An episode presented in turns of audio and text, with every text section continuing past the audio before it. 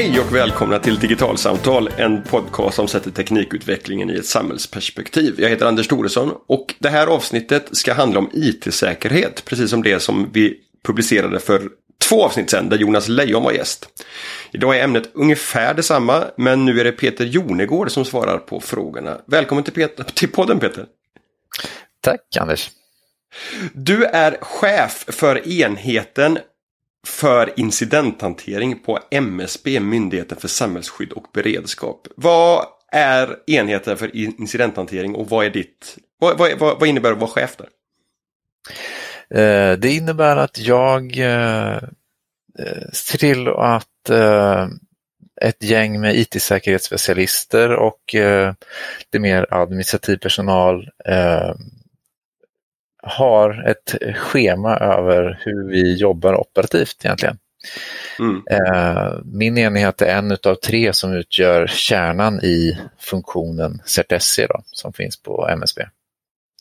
CERT SE, det är en förkortning hör man. SE antagligen för Sweden, men CERT, vad är det? Uh, Computer Emergency Response Team heter det och det är något som föddes uh, någon gång tidigt 90-tal tror jag. Eh, när man såg att stora maskutbrott, det vill säga att infekterade IT-miljöer eh, kan infektera andra IT-miljöer utan att personer är inblandade. Och då såg man att det här, när vi tar hand om sånt här för att undvika återinfektion från organisation till organisation, då måste man ta ett, ett större grepp. Eh, så att sådana här funktioner finns nu i, i snart sagt varenda land. Eh, I varje EU-land så ska det finnas en sån här funktion. Så den är nationell och eh, har mycket kontakter med sina eh, motsvarigheter i andra länder. Men innebär det att ni vänder er, jobbar ni på det offentligas uppdrag, jobbar ni på det privata näringslivets uppdrag eller har ni någon slags helhetsansvar för, för Sveriges beredskap och, och, och förmåga att hantera IT-hot och IT-incidenter? Ja, precis. Den här funktionen då, CERT-SE, den tar hand om en del av det uppdrag som finns i, då, i eh, instruktionen till Myndigheten för samhällsskydd och beredskap. Och den delen är i korthet då att stödja samhället i arbetet med att förebygga och hantera IT-incidenter. Så det vi gör för att förebygga det är att vi försöker undanröja så många missförhållanden som möjligt i Sverige. Och det här med att hantera IT-incidenter, då, då kan vi stödja genom att mer samordna åtgärder och koordinera olika organisationer som är inblandade. Men, men, men, det låter som att i ert arbete då så ligger, li, ligger dels liksom ett, ett, eget utvecklingsarbete och egna liksom tester utav mjukvara e, e, eller handlar det om att e, mycket om omvärldsbevakning och följa vad som händer internationellt på, på IT-säkerhetsfronten? Eller finns det tredje ben eller fjärde ben också? Nej, du är inne på rätt sak där, den andra saken du sa, det är omvärldsbevakning. Vi ser ju till att eh, kunna ta emot eh, sånt som, eller som bli en känd aktör som kan som, som folk kan vända sig till om man känner till någon sårbarhet eller instans utav sårbarhet eller sårbarhet i mjukvara. Eh, och odlar kontaktnät för att kunna hitta ut med informationen, för det är ju det som det hela går ut på. Vi, vi söker upp en massa information, vi använder verktyg för omvärldsbevakning och vi har täta kontakter med våra motsvarigheter utomlands för att komma över så mycket information som möjligt om missförhållanden i Sverige. Eh, eller åtgärder som är bra att vidta. Men sen den, den informationen gör ju ingen nytta så länge den stannar kvar hos oss. Utan vi gör ju allt för att nå ut till dem som behöver vidta åtgärder. Så att vi är ju på många organisationer så finns det ju någon IT-säkerhets komponent i organisationen. Den kan ligga under IT eller den kan ligga under någon säkerhetsfunktion eh, eller någonstans däremellan. Eh, men vi ligger då ett lager ovanför så vi, vi ser till att skapa kontakt med sådana här funktioner på organisationer.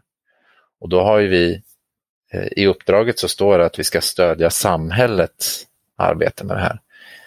Men vi får ju vi får ju se till, vi är ungefär 30 personer allt som allt inklusive eh, driftspersonal för egna system som vi använder. Och vi har ju en, en kontorsmiljö som, eh, som vi har i myndigheten, men sen så har vi lite specialgrejer.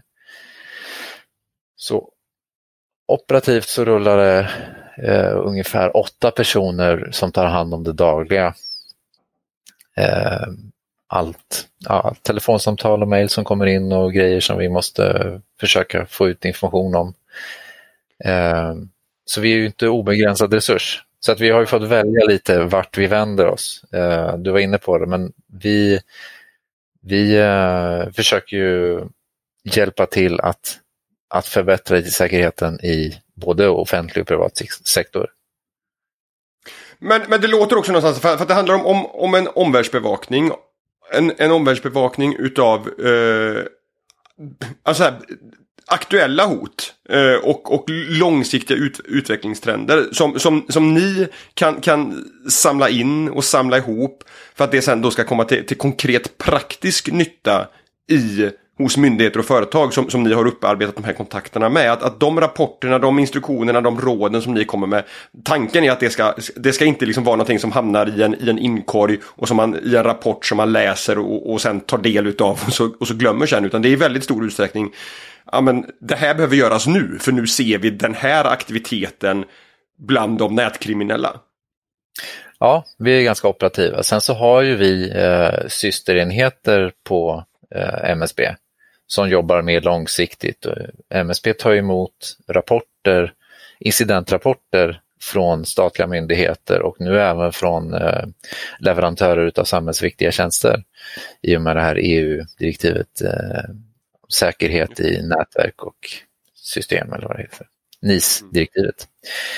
Eh, och vi är ju de på myndigheten som, som är de första att läsa de här rapporterna just för att vi ska kunna eh, vara med i, i den operativa hanteringen av en sån incident då, om det, om det bedöms som att vi har en roll att spela där.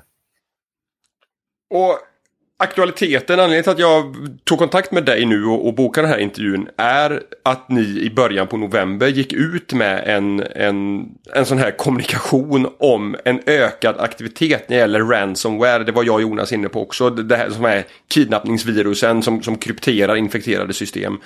Eh, riktade mot, mot sjukvården.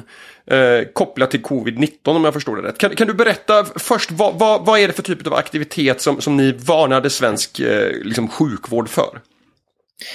I Sverige har vi inte sett någon inriktning just mot vårdsektorn.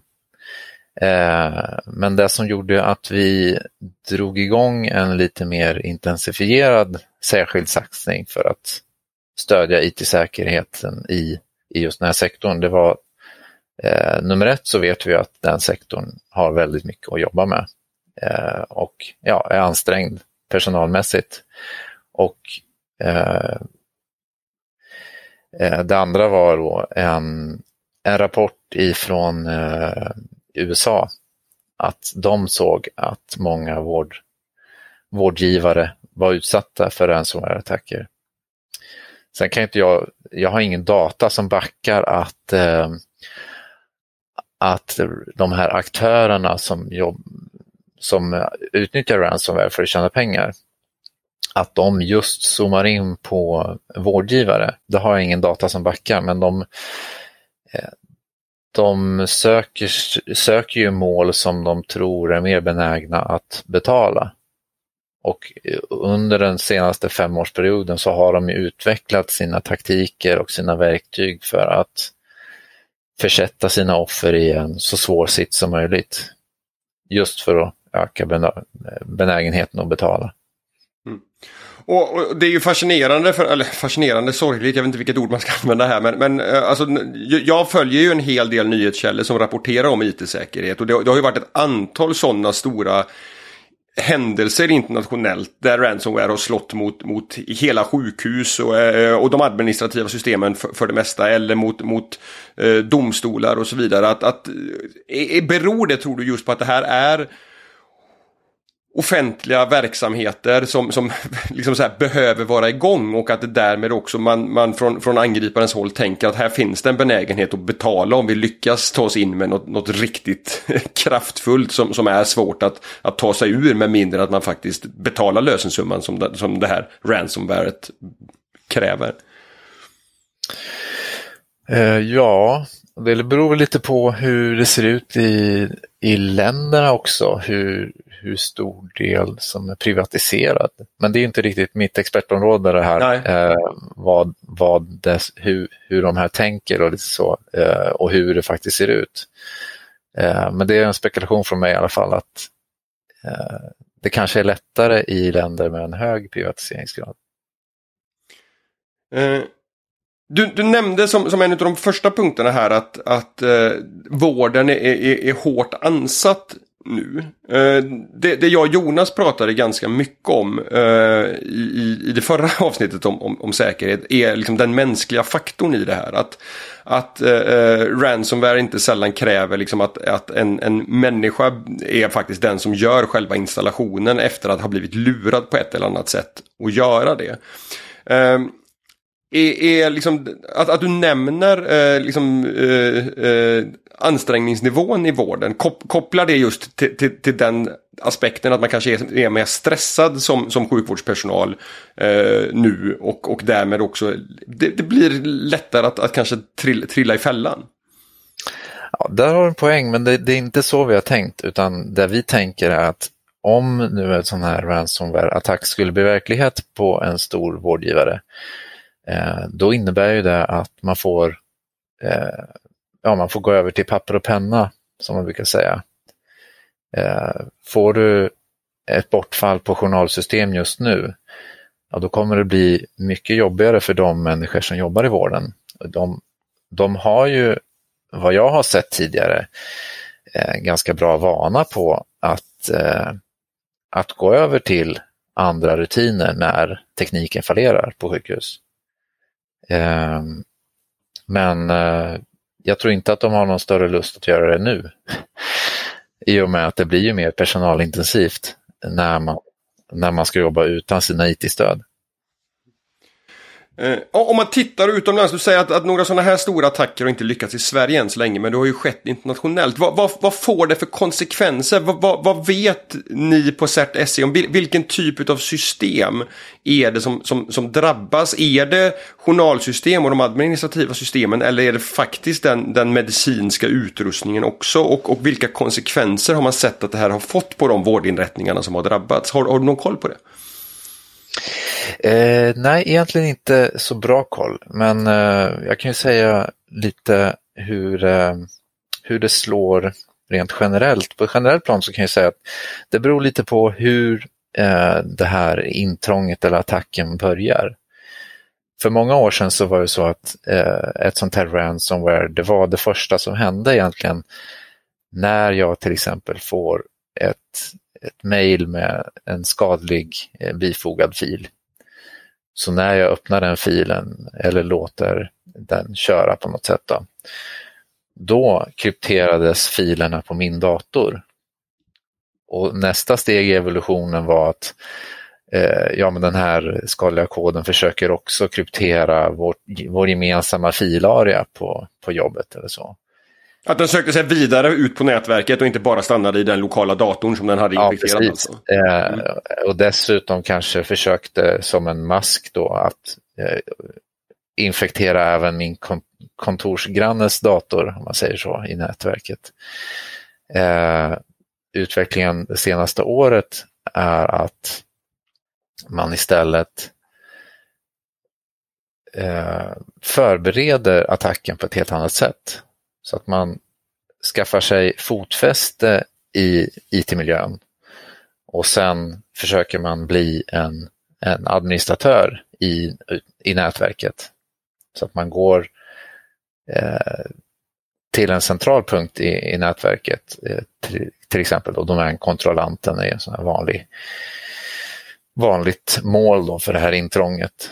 Eh, och beroende lite på hur du har segmenterat ditt nät, alltså delat upp din IT-miljö eh, i olika öar, Eh, du nämnde sån här medicinsk utrustning. Eh, jag vet inte, jag har inte insikt i hur, hur pass eh, avgränsad den är från till exempel journalsystem och eh, hela kontorsnätverk på ett sjukhus. Då.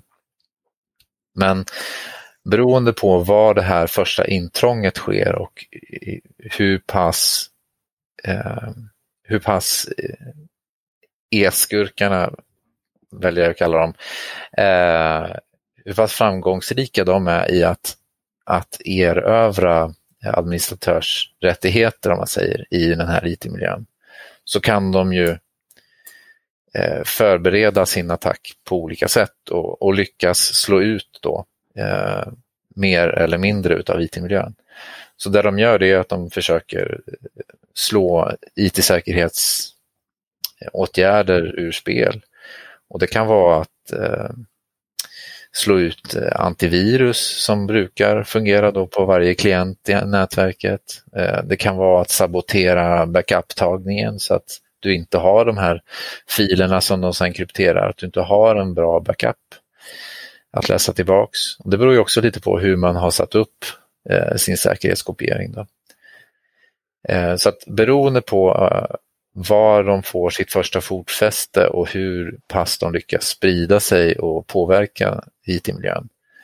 Eh, innan de då slutligen, eh, och kanske efter att de har kopierat ut en mängd data för att kunna utpressa med även den, som vi såg i det här Gunnebo-fallet, eh, så, kan, eh, så kan de då skjuta ut, som administratör, skjuta ut eh, eh, eh på varje klient och, sen, och server och ja, mer eller mindre kryptera alla filer i hela IT-miljön då, om de lyckas bra.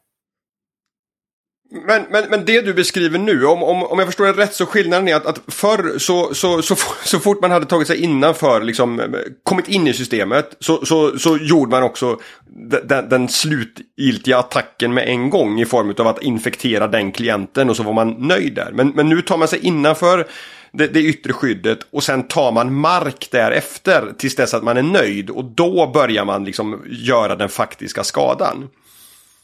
Ja, allt för att försätta offret i en så dålig sits som möjligt. Ja, just det. Alltså när, för fem år sedan när man såg att, eh, att en klients eh, filer var krypterade, ja men då installerade man om den burken och sen så fortsatte dagen som vanligt eh, efter några timmar eh, för den medarbetaren.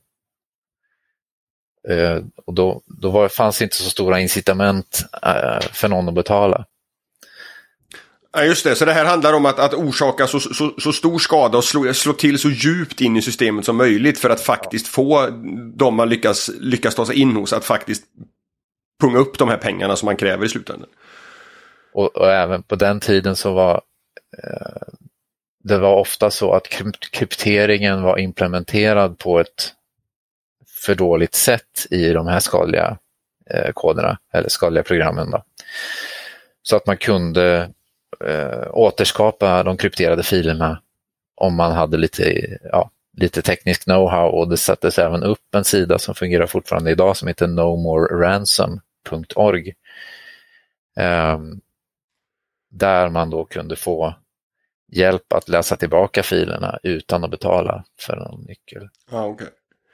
Eh, det, det, här resonemanget eh, kopplar till, till dit jag också vill, vill komma i, i, i det här samtalet med dig. För, för att det, det, här som du, som du beskriver nu är ju en, en, en omvärld e-skurkar som du kallar dem som, som blir allt mer tekniskt kompetenta och, och, och, drivna och får, får förmågor som vi inte hade för ett antal år sedan.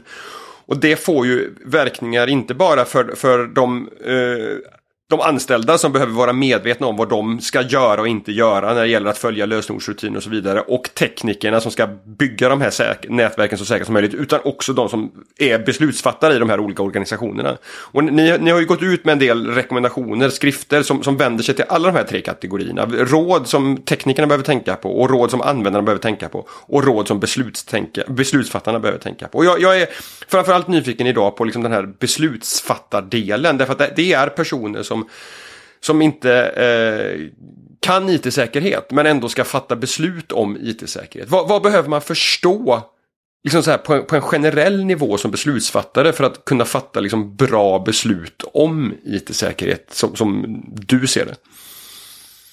Ja, för det första så ska man ju få in eh, IT-säkerhetsriskerna i sitt riskarbete. Eh, det här med systematiskt informationssäkerhetsarbete, eh, det är också någonting som vi på MSB lämnar stöd i.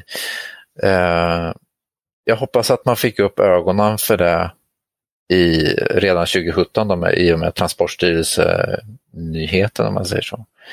Att man har koll på sin information. Vad är det för information vi hanterar här hos oss egentligen? Hur, hur viktigt det är att den är tillgänglig för rätt personer, att den är skyddad från obehöriga eller att den stämmer, att, att riktigheten är, är ja, att, att den information vi har är, är korrekt och att vi ser hur den har påverkats av olika, att man har en spårbarhet. Eh, Får, får jag stoppa det där Peter? För, ja. för, för det, som du, det, det, som du säger här då är ju egentligen att, att arbetet börjar Arbetet med, med IT-säkerhet och informationssäkerhet börjar långt innan det att, att man kan be en tekniker installera liksom en ny brandväg och, och segmentera ett IT-nätverk på ett nytt sätt. Det, det, det handlar om, om, om saker som, som börjar långt innan man börjar diskutera de rent tekniska frågorna. Ja, eh, det är på på beslutsfattarnivå eller på, ja, på styrningen av organisationen. Eh, där, där måste de här frågorna upp.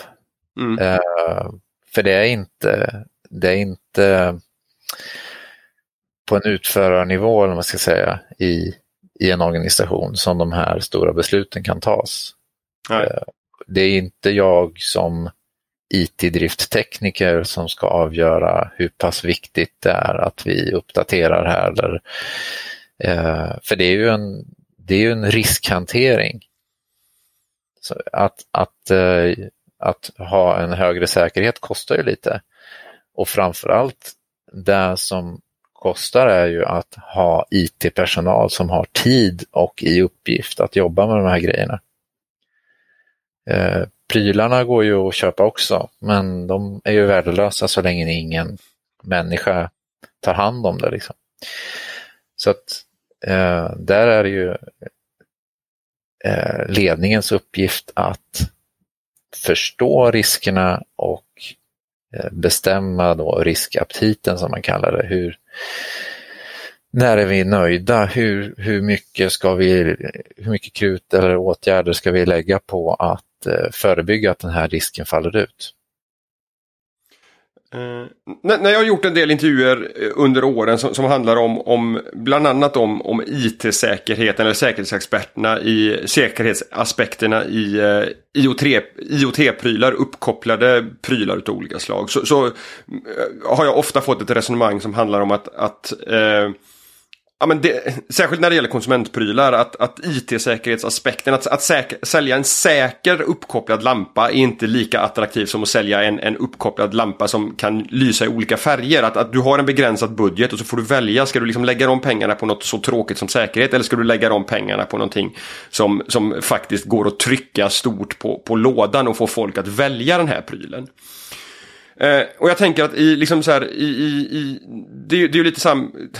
jag kan tänka mig att det är samma aspekt lite grann här också. Liksom, att, att, att, att i en budget fördela pengar till, till IT-säkerhet, det är aldrig liksom någonting som är, är kärnverksamheten nära egentligen, utan det är någonting som, som ska stödja kärnverksamheten genom att, att systemen inte ska fallera. Um, men, men innebär det också att, att det, det, det, är svårt för de som kan IT-säkerhet och förstår de här riskerna att, att äska pengar hos, hos ledningen och få liksom en buy-in på varför det jobbet som de gör är viktigt. Om du, om du ska prata rent generellt.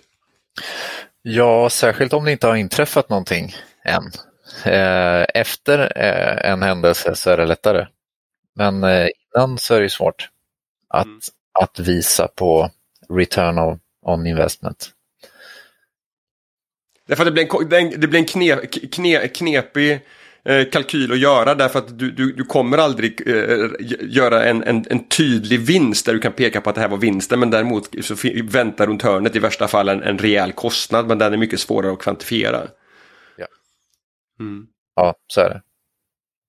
Um, hur, hur är det, det, det, låter som sen, sen 2017 då Transportstyrelsen att, att, att, att ni upplever från, från CERT-SE och, MSB kanske också då att, att att, att det har, har skett en attitydsförändring. Att, att man har förstått de, de här frågorna på ett, på ett annat sätt. Förstår jag det rätt då? Jo, absolut. Det här, alltså området är på frammarsch. Eh, och jag gnäller inte längre över att det här inte riktigt tas på allvar eller så. Den tiden tycker jag är förbi.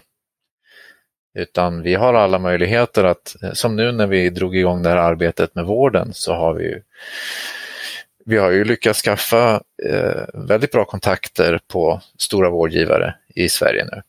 Eh, och eh, har väldigt bra utbyte med dem och eh, Eh, så att det finns ju personer i, i organisationer som, som eh, tar det här på lite allvar i alla fall så, så finns det alltid någon man kan hitta. Eh, vi brukar, eh, om vi har svårt att hitta fram till någon överhuvudtaget så, så kan man alltid ringa deras pressansvarige om vi, om vi vet om någon, någon sårbarhet på någon på någon, något företags upp, uppkopplade servrar mot internet. Så har vi svårt att hitta någon, eh, någon IT-säkerhetskontakt så, så brukar press vara rätt bra. Så kan de... Därför de ser rubrikerna framför sig annars? De, de har bra insyn i företaget, eh, vem som jobbar med vad och de kan, de kan föreställa sig också vad, vad som kan bli följden. Då. Men, men hur, hur, jobbar ni liksom för, för, att, för att ge liksom, eh, chefer på, på hög och mellannivå liksom den, den, den förståelsen för, för de, den, de, den här typen av frågor? Vad, vad, vad kan, vad kan CERT-SC bidra med när det gäller liksom informationsinsatser, utbildningsinsatser och så vidare? Ja, vi, vi verkar genom andra delar av MSB. Eh, så, eh, främst då Eh, enheten som jobbar med systematisk informationssäkerhet. Eh, men eh, en annan sak som jag bara nämnde var ju kontinuitetshantering som är steg två då, om nu, om nu det här skulle ske. Hur klarar vi oss utan, utan IT-stödet? Så en plan B jag vet att MSB har gjort en liten drive om just det här stöd med att eh, ta fram eh, kontinuitetsplan. För det är ju det som men, men gäller. Ja, Ja men lite på samma sätt som man, man vet att ett sjukhus till exempel har ett, ett, ett reservelkraftverk ifall det, att, eh, det skulle bli ett, ett långvarigt och stort strömavbrott så behöver man ha liksom en, en, redan ha tänkt igenom vad ska vi göra om, om vi drabbas av ett stort IT-haveri. För att, för att det är ju trots allt så att, att IT är en, ett, ett verktyg för att bedriva vård men det går att, i värsta fall kan man bedriva vård på andra sätt om man bara har tänkt efter i förväg hur det ska gå till. Är det, är det, är det så du menar? Ja, precis. Det, det, är tre grejer egentligen. Det är hur ska verksamheten fortsätta? Eh, alltså vilka papper och pennor ska finnas?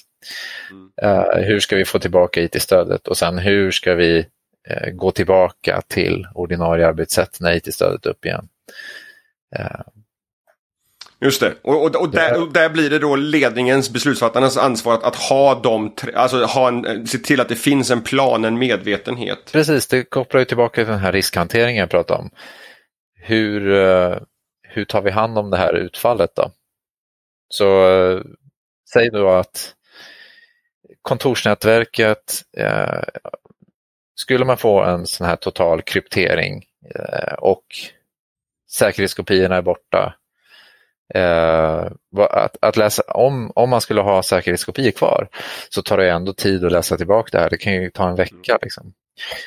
Men eh, om, du måste, om du får ett intrång så att du inte kan vara säker på, eh, alltså sådana här aktörer lägger in bakdörrar för att eh, kunna komma tillbaka på olika sätt. Eh, ja, du kanske får bygga upp en ny IT. Eh, Just det. Och hur, hur många månader tror du det är? Du ska autentisera alla dina medarbetare som använder i systemet. Så. Eh, så det är ju stora saker. Så hur ska det här fungera över tid tills, tills man är tillbaks? Det, det är ju någonting man måste, ja det är ju på ledningsnivå, i alla fall den mm. arbetsuppgiften eh, måste ställas eh, från någon mm. och följas upp. Så det, och det är någonting som man har mycket igen om man har övat det också. Mm. Eh, om, om vi som avslutning, du, du, du gjorde en, en, en tillbakablick ett antal år tillbaka i tiden och, och beskrev liksom en utveckling som, som dels handlar om, om eh, e-skurkar som är mer offensiva när de väl har tagit sig in i systemen men också Eh, eh, liksom en, en, en, ökad medvetenhet i organisationer för vad de här problemen faktiskt kan, kan innebära. Om, om, om du får liksom så här, dra ut tangenten något eller några år fram i tiden. Vad, liksom så här, hur, hur kommer det här fältet att utveckla sig? Vad, vad, vad kommer hända? Vad, eller vad, vad ser ni för trender bland, bland de som är, står för liksom attackerna och vad ser ni för trender bland, bland de organisationerna som, som blir attackerade? På angriparsidan så tror jag på ett... Det, det har ju växt fram, skulle säga, senaste 20 åren kanske ett, ett ekosystem av tjänster egentligen. Så du kan ju specialisera dig eh, på att eh, stjäla kontokortsdata till exempel och sen sälja den vidare och så har du gjort någon liten marginal på det. Eh, jag tror hela det ekosystemet kommer att ja, fungera bättre och bättre. Alltså de, de har ju utvecklats med mellanhandstjänster för att eh, till exempel hur gör, man affär, hur gör man affärer i ett klimat där ingen litar på någon? Och då finns det mellanhandstjänster som håller inne på betalningar för olika tjänster. Och, eh, det finns... Mm. Men du menar Eh, du, du alltså så här, jag kommer ihåg för, för ett antal år sedan så, så gjorde jag en, en, en artikel där, som handlade om hur, hur när man, om man gör, startar ett startup idag eller då, det här var säg 2015, kanske 2014. Så behövde man inte längre investera liksom, i hårdvara och massa mjukvara utan då köpte man det som, som molntjänster. Därför att då, då, då, hade man, då hade det vuxit upp en infrastruktur som insåg att här kan vi sälja de här tjänsterna liksom så här, på kran. Finns det liksom en, en motsvarande svart marknad där man liksom så här, säljer olika typer av utav tjänster inom e-kriminalitet alltså? Jajamensan, det finns, eh, alltså varför varför bara försöka använda sin elaka infrastruktur själv utan mm. eh, ransomware as a service och eh, phishing och ja, du, du, du kan gå in och franchisea kan man säga i, i många olika eh, sektorer inom, inom sånt här. Mm.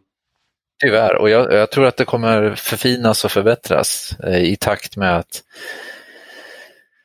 Ja, eh, internationell polisverksamhet och eh, ja, även våran eh, skademinimerande verksamhet som, som jag står för förbättras. Och vi tar större internationella grepp och försvårar för sån här verksamhet. Så, så kommer den att utvecklas.